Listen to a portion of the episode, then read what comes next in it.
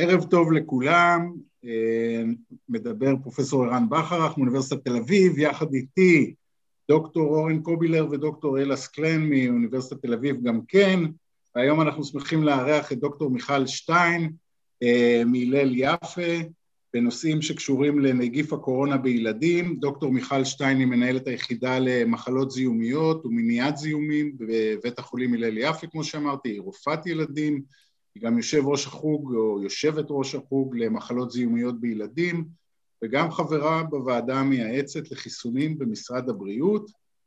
וערב טוב, מיכל.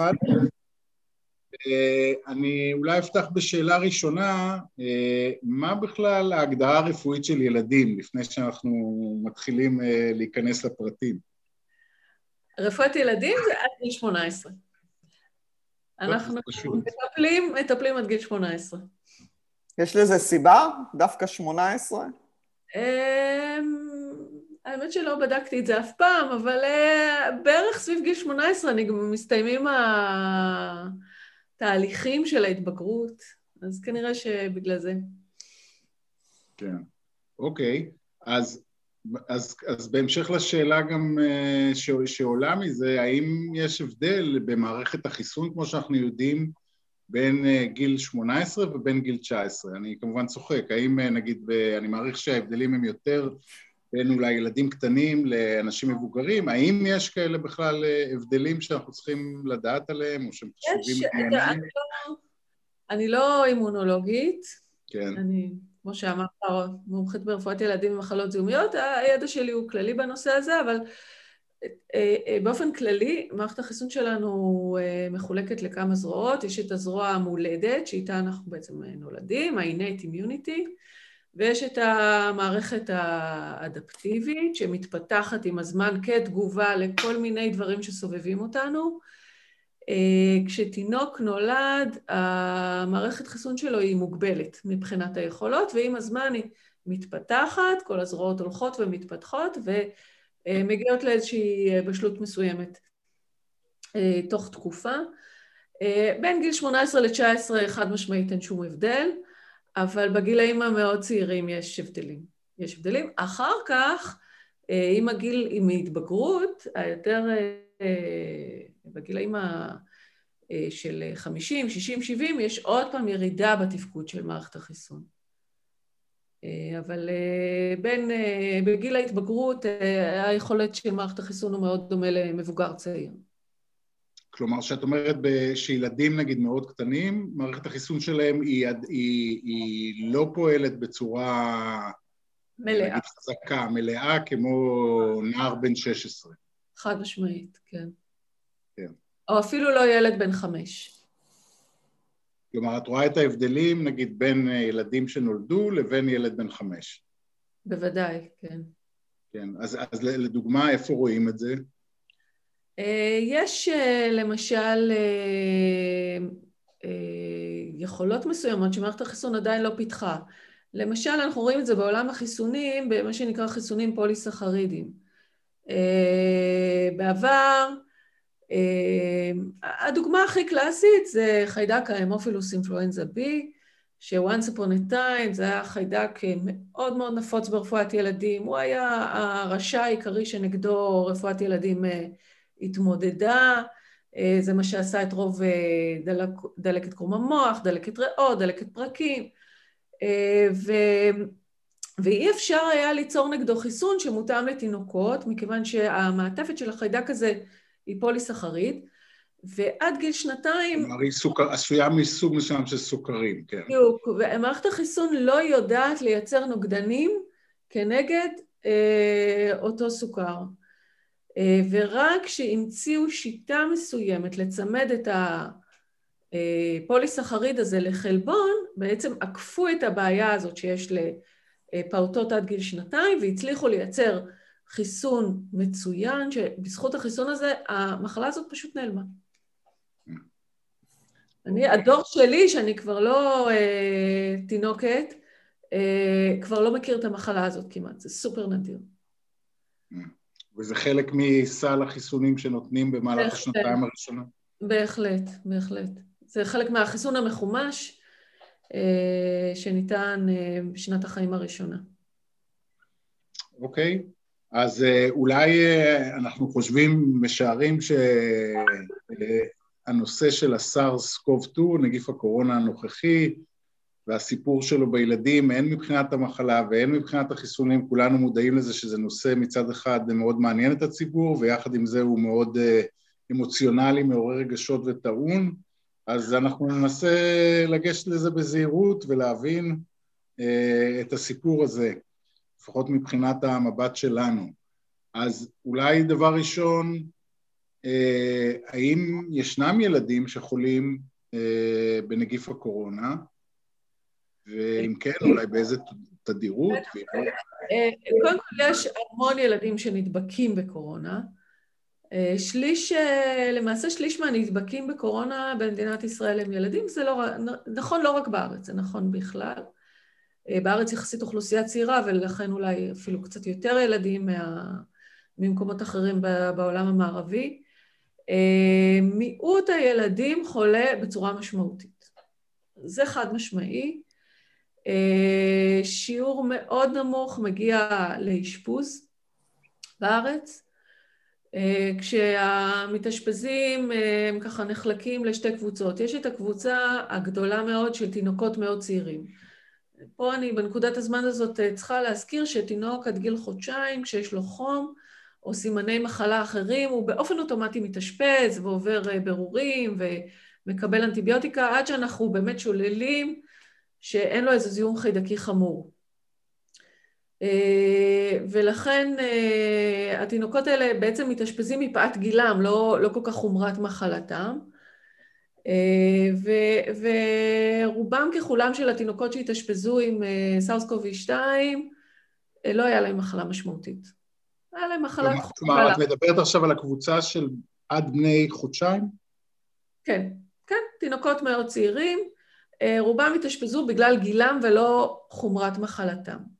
אבל עדיין היה להם חום, או איך, איך, למה הם הגיעו בכלל? הגיעו בעיקר בגלל מחלת חום. אוקיי. הרוב המכריע בגלל חום. עכשיו, אה, מחלת אה, קוביד קשה רואים יותר, דווקא בילדים קצת יותר מבוגרים, סביב גיל ההתבגרות, אה, שם אנחנו רואים יותר מחלת קוביד ממש קשה, שמסתמנת בצורה דומה למה שרואים במבוגרים, דלקת ריאות וכולי. אה, בנוסף למחלת הקוביד הקשה, יש את הסינדרום שהוא פוסט-קוביד, מה שאנחנו קוראים בראשי תיבות PIMS, אה, אה, שזה מחלה מאוד מאוד מעניינת, שאולי נרחיב עליה תכף את הדיבור. כן, אז בואי בוא, בוא נחלק את הדברים. אורן, רצית לשאול משהו? כן, רציתי לשאול, הילדים בין החודשיים ממה הם נדבקים בעיקר מהאימא? בעיקר או... מההורים, כן, בעיקר מההורים. רואים את זה סביב תחלואה במשפחה. אמ, כן, זה נכון אה, להרבה מאוד מחלות שיש בגיל הזה, וגם במקרה של קורונה. והמחשבה היא רק אה, אם, אם נשאל על ה, עדיין על הקבוצה הזו של הילדים עד חודשיים שהם נדבקים באמצעות, בגלל הנשימה, שהם נושמים את הנגיף, או בגלל, או שיש דרכי העברה אחרים, כמו אה, ילדים מיונקים, או, או מה אנחנו יודעים על זה? אני חושבת שזה בעיקר בגלל הקרבה הפיזית, ו- ובאמת מדרכי הנשימה. אני, אני רוצה... לא, עד כמה שידוע לי, אין הדבקה דרך חלבים. אני רוצה לשאול דווקא על הקבוצה השנייה, בשביל להיות מקורית. יש, במתבגרים יש קשר למחלות רקע, כמו במבוגרים? כן, כן. כן. ואיזה? אה, בעיקר אה, השמנת יתר, אה, בעיקר כשהיא משולבת עם סכרת מסוג 2. מחלות רקע אחרות שאנחנו רואים זה דיכוי חיסוני, ילדים עם מחלות נוירולוגיות קשות, סינדרומים מולדים, מחלות לב קשות שיכולות להתבטא באי ספיקת לב, מחלות ריאה קיצוניות עם רזרבה יחסית נמוכה.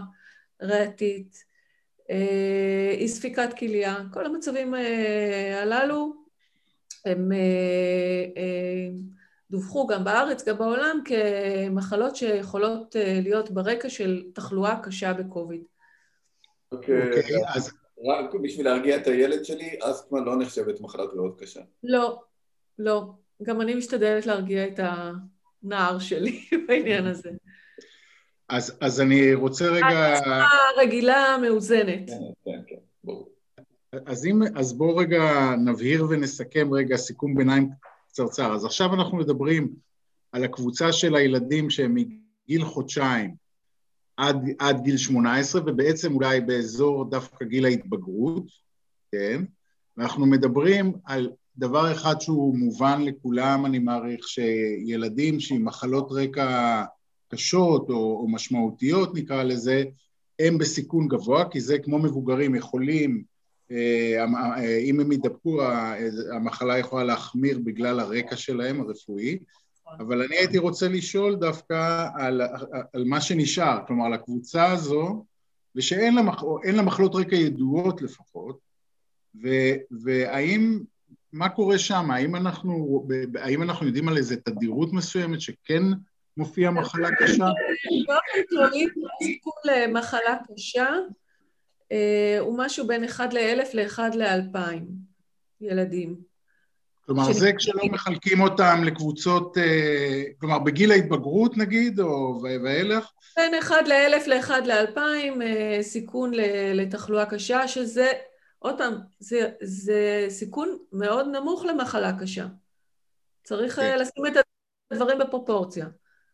אוקיי, אבל עדיין זה מספר... רוב הילדים יהיו חסרי תסמינים לחלוטין, או עם תסמינים מינימליים. אוקיי. וברפואת ילדים נגיד, אה, בשביל שגם ניתן קצת תחושה לציבור, כשאנחנו מדברים על אחד לאלף, על אחד על אלפיים, אז מצד אחד אנחנו אומרים זה, זה, זה, זה לא מספרים גדולים, אבל מצד שני, אם האוכלוסייה ההתחלתית היא גדולה, אז זה, אז זה עשוי להצטבר למספרים גדולים. לגמרי, אם, אם חושבים על זה שילד שהוא חולה בצורה קשה צריך אה, אה, מסגרת של טיפול נמרץ כדי לקבל טיפול מיטבי, אם אנחנו נכפיל אפילו אחד לאלפיים באוכלוסיית אה, הילדים, אנחנו נגיע למספרים שמערכת הבריאות לא יכולה לעמוד בהם. התשתית של אה, אה, רפואת ילדים בבתי חולים לא, לא יכולה להכיל גל כזה, צונאמי. ו- וזאת הסיבה שבאמת אנחנו ממשיכים עם כל המדיניות של ריחוק פיזי, קפסולות וכולי, עם כל הבעייתיות שיש בזה. זה אני חושב נקודה חשובה שצריך להגיד, כי אני חושב שזה קצת נעלם בכל הדיונים וסערת הרגשות, כי, כי, כי, כי, הנורמה של, ה, ש, של מה שאנשים, נגיד, שהם לא רופאים, חושבים, אומרים, מה, מה רוצים מאיתנו? הרי ילדים אין להם תסמינים והם לא חולים במחלה קשה, ולפי מה שאת אומרת, עדיין האחוז הקטן הזה של 1 ל-2000, אם הבסיס שלה, אם יהיו הרבה מאוד ילדים שידבקו, זה עדיין יכול להצטבר למספרים משמעותיים. נכון.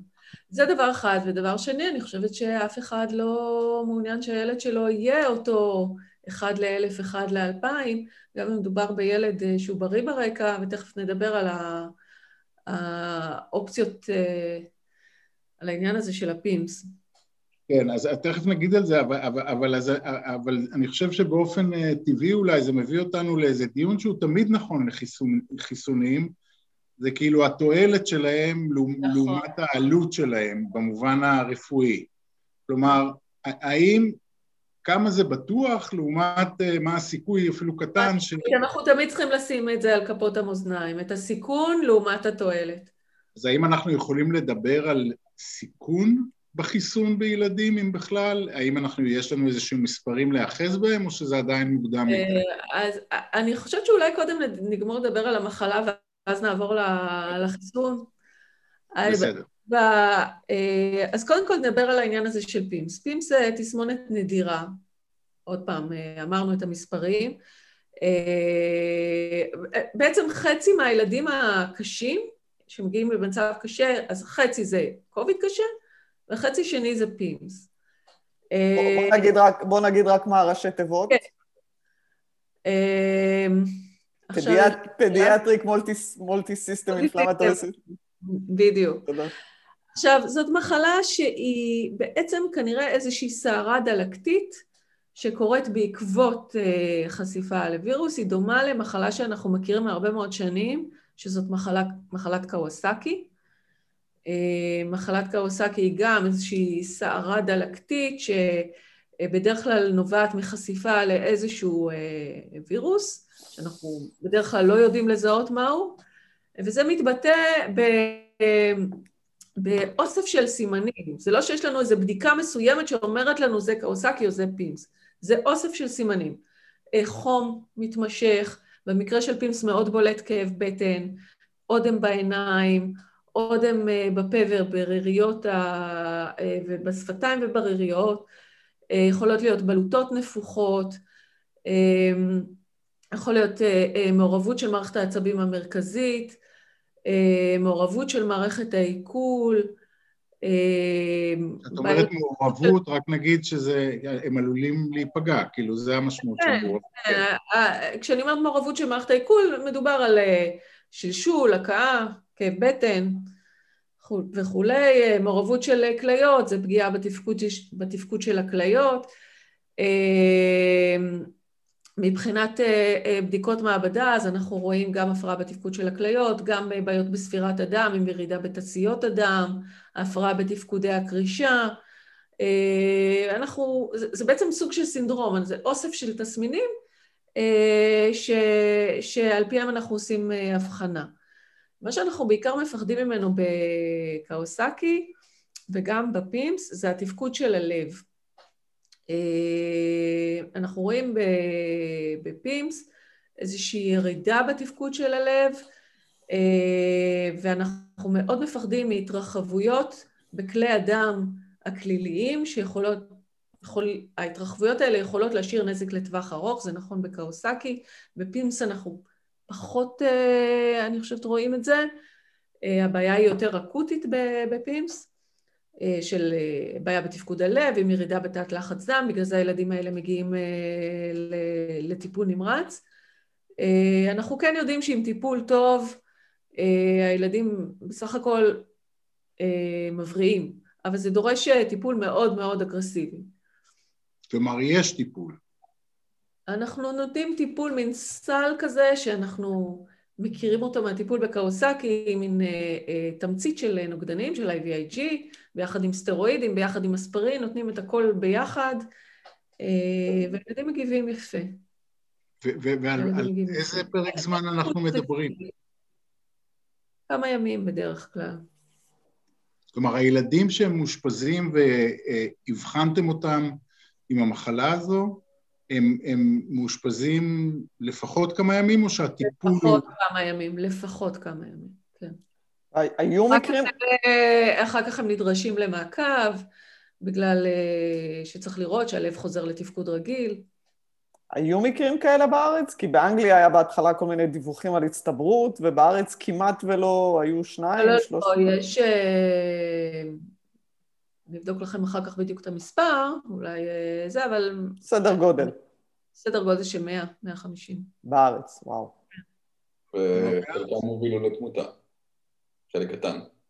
או שלא. מה?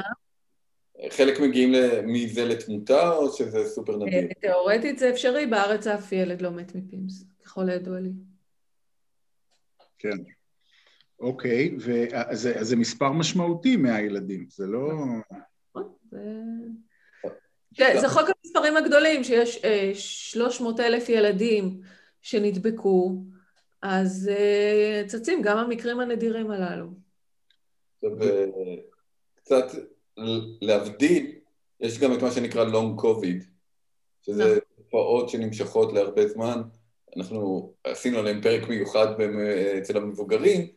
אה, השאלה אם זה קורה גם בילדים, כמה זה נפוץ בילדים, והאם זה קשור לחומרת המחלה בילדים?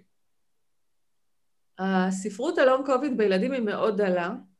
דווקא התפרסם לאחרונה משהו בעיתון אה, מרכזי. אה, אני יכולה להגיד לך שבארץ יש מרפאה שעוקבת אחרי ילדים כאלה בבית חולים שניידר. אה, הם ראו שם משהו כמו 80 ילדים, בחלקם בהחלט תופעות שדומות למה שמדווח במבוגרים, עם הפרעה בתפקוד לטווח ארוך. רובם היו עם מחלה קלה ולא משמעותית במחלה החריפה, ככה שזה כנראה דומה למה שמדווח במבוגרים, אבל בשיעור יותר נמוך. וה PIMS הזה, שוב פעם, אם נדבר על טווח הגילאים, את מתחילה לראות אותו החל מאיזה גיל? אה, הוא יכול להיות, קוואסאקי קיים דווקא יותר בילדים צעירים, בני שנה, שלוש. אה, את ה PIMS דווקא רואים ביותר גדולים, שמונה ומעלה. אבל זה יכול להיות, זה וריאבילי ויכול להיות גם בגיל יותר צעיר. כן, וצריך להגיד שמונה ועשר זה כמובן, אה, שמונה ומעלה זה עדיין ילדים מאוד צעירים, זה... משמעית. כן. זה בעיקר, אה, ב, ב, רואים את זה בילדים יותר גדולים ממה שאנחנו רגילים לראות קאוסקי. אוקיי. אז אלה, את רוצה להגיד משהו? אני חושבת על זה. לפני שאנחנו עוברים uh, לחיסונים, שלשם אני, נראה לי שאתה חותר, נכון. אז היו בהתחלה כל מיני שמועות שילדים נדבקים יותר, מדביקים יותר, היו עם הווריאנטים כל מיני שמועות שילדים נדבקים יותר, מדביקים יותר. האם יש משהו בשמועות האלה? אז אה, אנחנו יודעים כבר הרבה זמן שילדים אה, מדביקים פחות ממבוגרים. אבל ככל שהם גדלים הם יותר מתקרבים. זאת אומרת, אם אנחנו מדברים על בני נוער, הם אה, מדביקים ונדבקים בשיעור דומה למבוגרים. בעוד שילדים צעירים מדבקים הרבה פחות. זה יכול להיות שזה קשור לעובדה שהם הרבה פחות סימפטומטיים, אז אה, אם ילד לא משתעל, הוא כנראה מדבק פחות. אבל יכול להיות שמעורבים בזה עוד אה, גורמים שאנחנו עוד לא לגמרי מבינים. ילד, ילדים מדבקים פחות, וככל שהם צעירים יותר, ככה הם מדבקים פחות. עוד שאלה, אנחנו יודעים מה גורם להבדל בין ילדים למבוגרים? כאילו, למה ילדים חולים פחות? למה הם מדבקים אה, פחות? יש לי הרבה מחשבות על זה, זה דבר שמאוד מעסיק את מחשבותיי. אז בואי אה, נשמע את התיאוריות שלך על הנושא. ההשערה שלי שהערעור המתמיד של מערכת החיסון, בעיקר המולדת, אצל ילדים הוא מקנה להם איזושהי הגנה צולבת אה, כנגד הקורונה.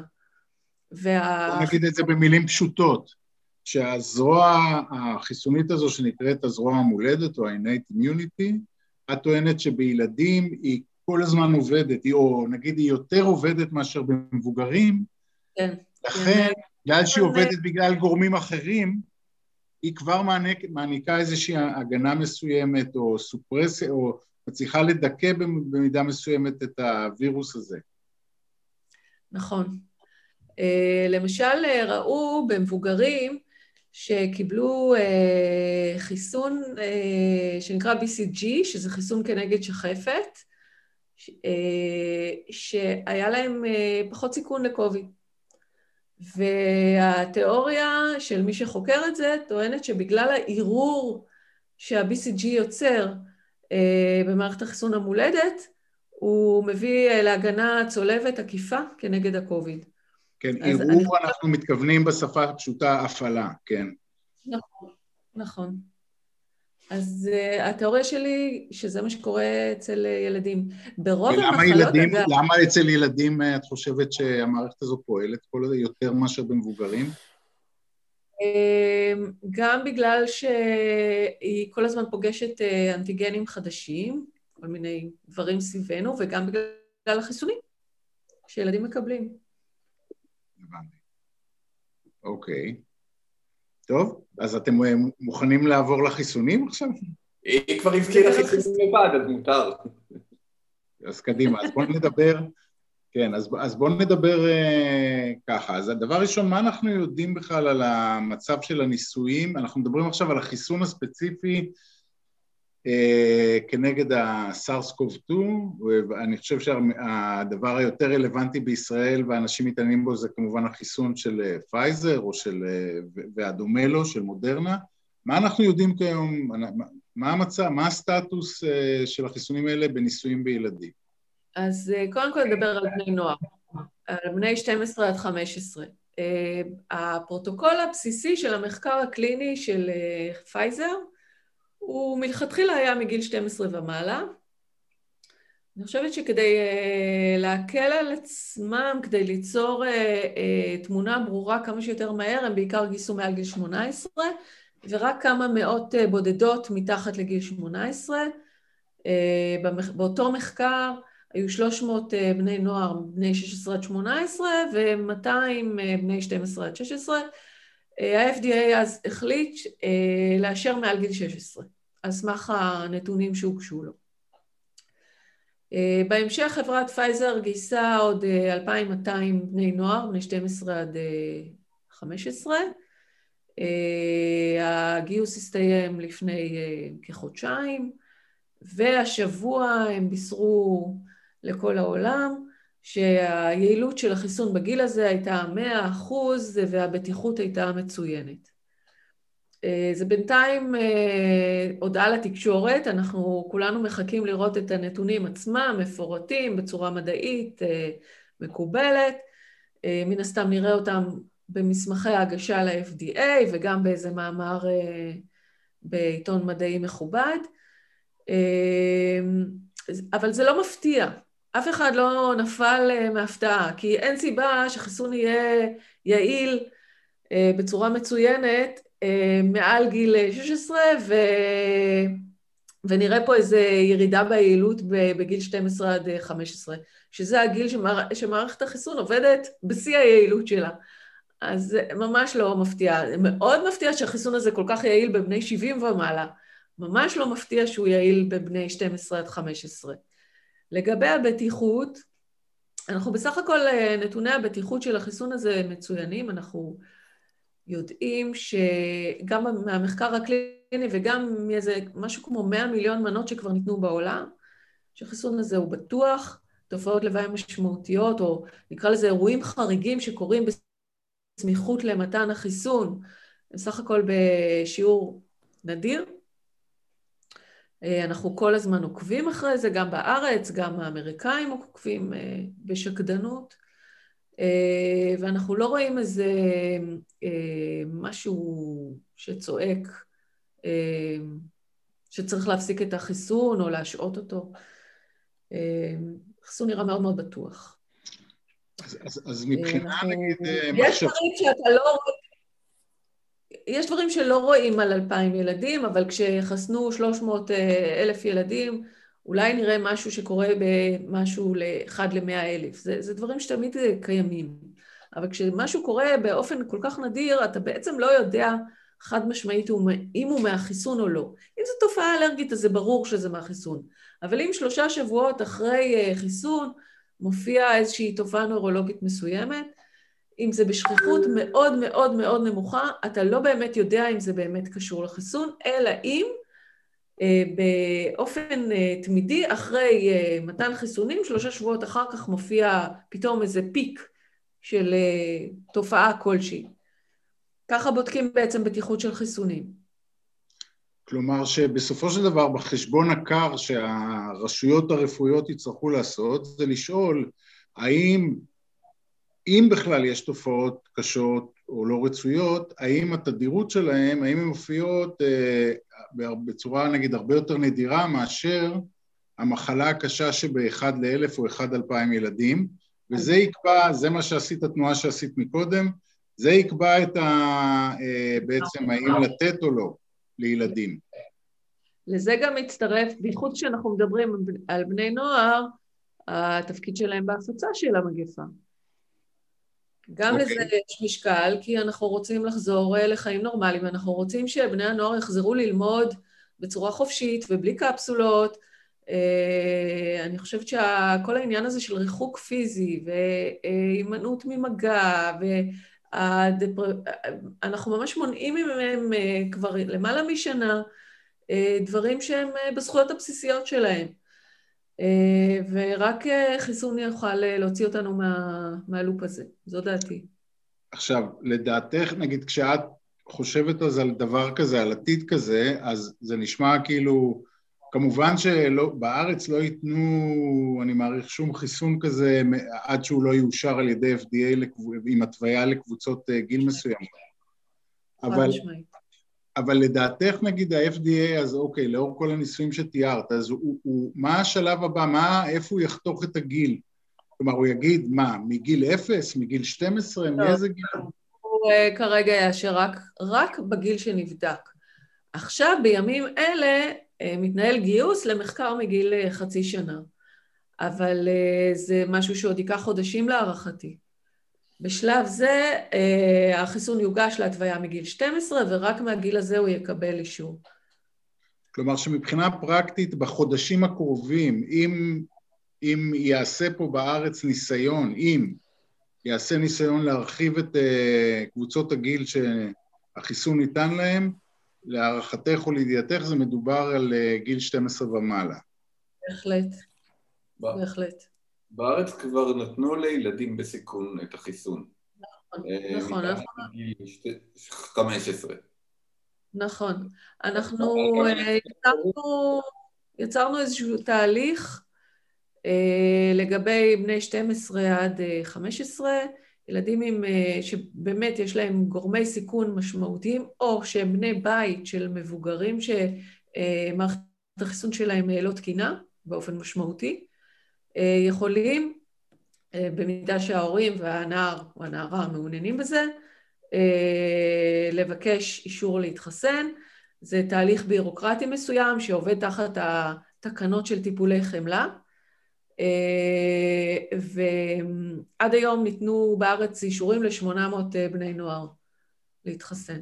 וגם אצלם לא ראינו תופעות לוואי חמורות או קשות. לא דווח, לא דווח על שום תופעת לוואי whatsoever. ואני יכולה להגיד שיש שם כבר אה, למעלה, בקבוצה הזאת למעלה מ-400 בני נוער שהתחסנו בשתי מנות, ואף לא מקרה תחלואה אחד. זאת אומרת, גם בקורט היחסית מצומצם של 400 אה, בני נוער במדינת ישראל, היעילות היא 100%. אוקיי. אני מעריך שהם גם uh, קבוצה שמאוד uh, מתעניינים בהם ועוקבים אחריהם, מבחינת זמנית וסימפטומים וכולי. בהחלט. אוקיי, אה, אני חייב להגיד שזו שיחה מרתקת, אבל החצי שעה שלנו עברה, פחות או יותר, והשאלה אם יש עוד שאלות. אה, אלה?